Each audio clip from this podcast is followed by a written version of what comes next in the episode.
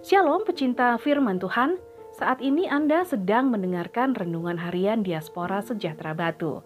Pembacaan Alkitab hari ini terambil dari kitab Bilangan pasal 7 ayat 48 sampai 59. Pada hari ketujuh, pemimpin Bani Efraim Elisama bin Amihud.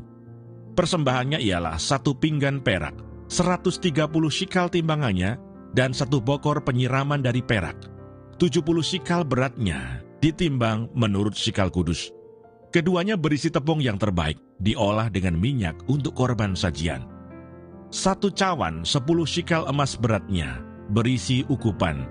Seekor lembu jantan muda, seekor domba jantan, dan seekor domba berumur setahun untuk korban bakaran. Seekor kambing jantan untuk korban penghapus dosa, dan untuk korban keselamatan dua ekor lembu, lima ekor domba jantan, lima ekor kambing jantan, dan lima ekor domba berumur setahun. Itulah persembahan Elisama bin Amihud. Pada hari ke-8, pemimpin Bani Manasye, Gamaliel bin Pedasur. Persembahannya ialah satu pinggan perak, 130 sikal timbangannya, dan satu bokor penyiraman dari perak. 70 sikal beratnya, ditimbang menurut sikal kudus. Keduanya berisi tepung yang terbaik, diolah dengan minyak untuk korban sajian satu cawan, sepuluh sikal emas beratnya, berisi ukupan, seekor lembu jantan muda, seekor domba jantan, dan seekor domba berumur setahun untuk korban bakaran.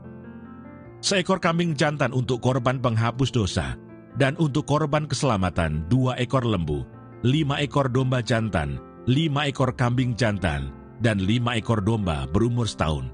Itulah persembahan Gamaliel bin Pedasur. Ayat Masari ini dari kita bilangan pasal 7 ayat 58. Seekor kambing jantan untuk korban penghapus dosa.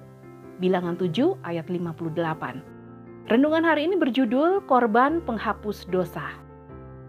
Dosa merupakan pelanggaran terhadap hukum Allah. Akibatnya manusia harus terpisah dari Allah dan harus mengalami kematian. Manusia yang berdosa dengan caranya sendiri tidak mungkin dapat hidup berkenan kepada Allah walaupun manusia melakukan kebaikan di sepanjang hidupnya. Namun Allah mengasihi manusia walaupun manusia telah melakukan banyak dosa. Allah masih memberikan cara supaya manusia dapat membangun kembali hubungan dengan Allah, yaitu dengan cara memberikan korban binatang dan darah yang dikorbankan. Darah binatang yang dicurahkan akan menutupi dosa-dosa manusia di hadapan Allah. Oleh karena itu, dalam setiap upacara yang berhubungan dengan Allah, maka manusia harus mempersembahkan korban berupa darah binatang. Korban ini telah Allah tetapkan dalam kehidupan bangsa Israel, sehingga dalam upacara pentahbisan kemah suci, Allah meminta korban binatang yang sesuai dengan kriteria yang telah Allah tetapkan. Namun sifat korban penghapus dosa yang Allah telah tetapkan, sifatnya menutupi.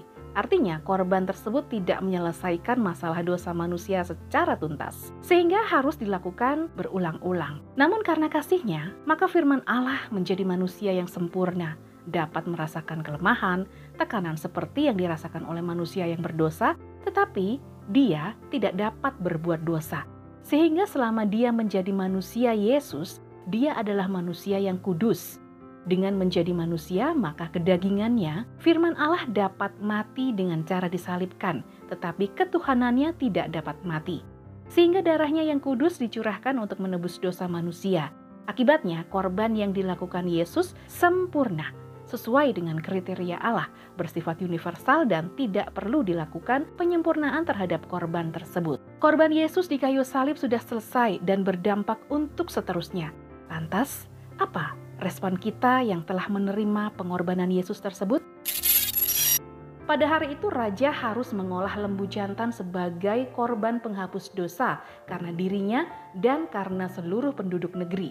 Yehezkiel 45 ayat 22. Tuhan Yesus memberkati.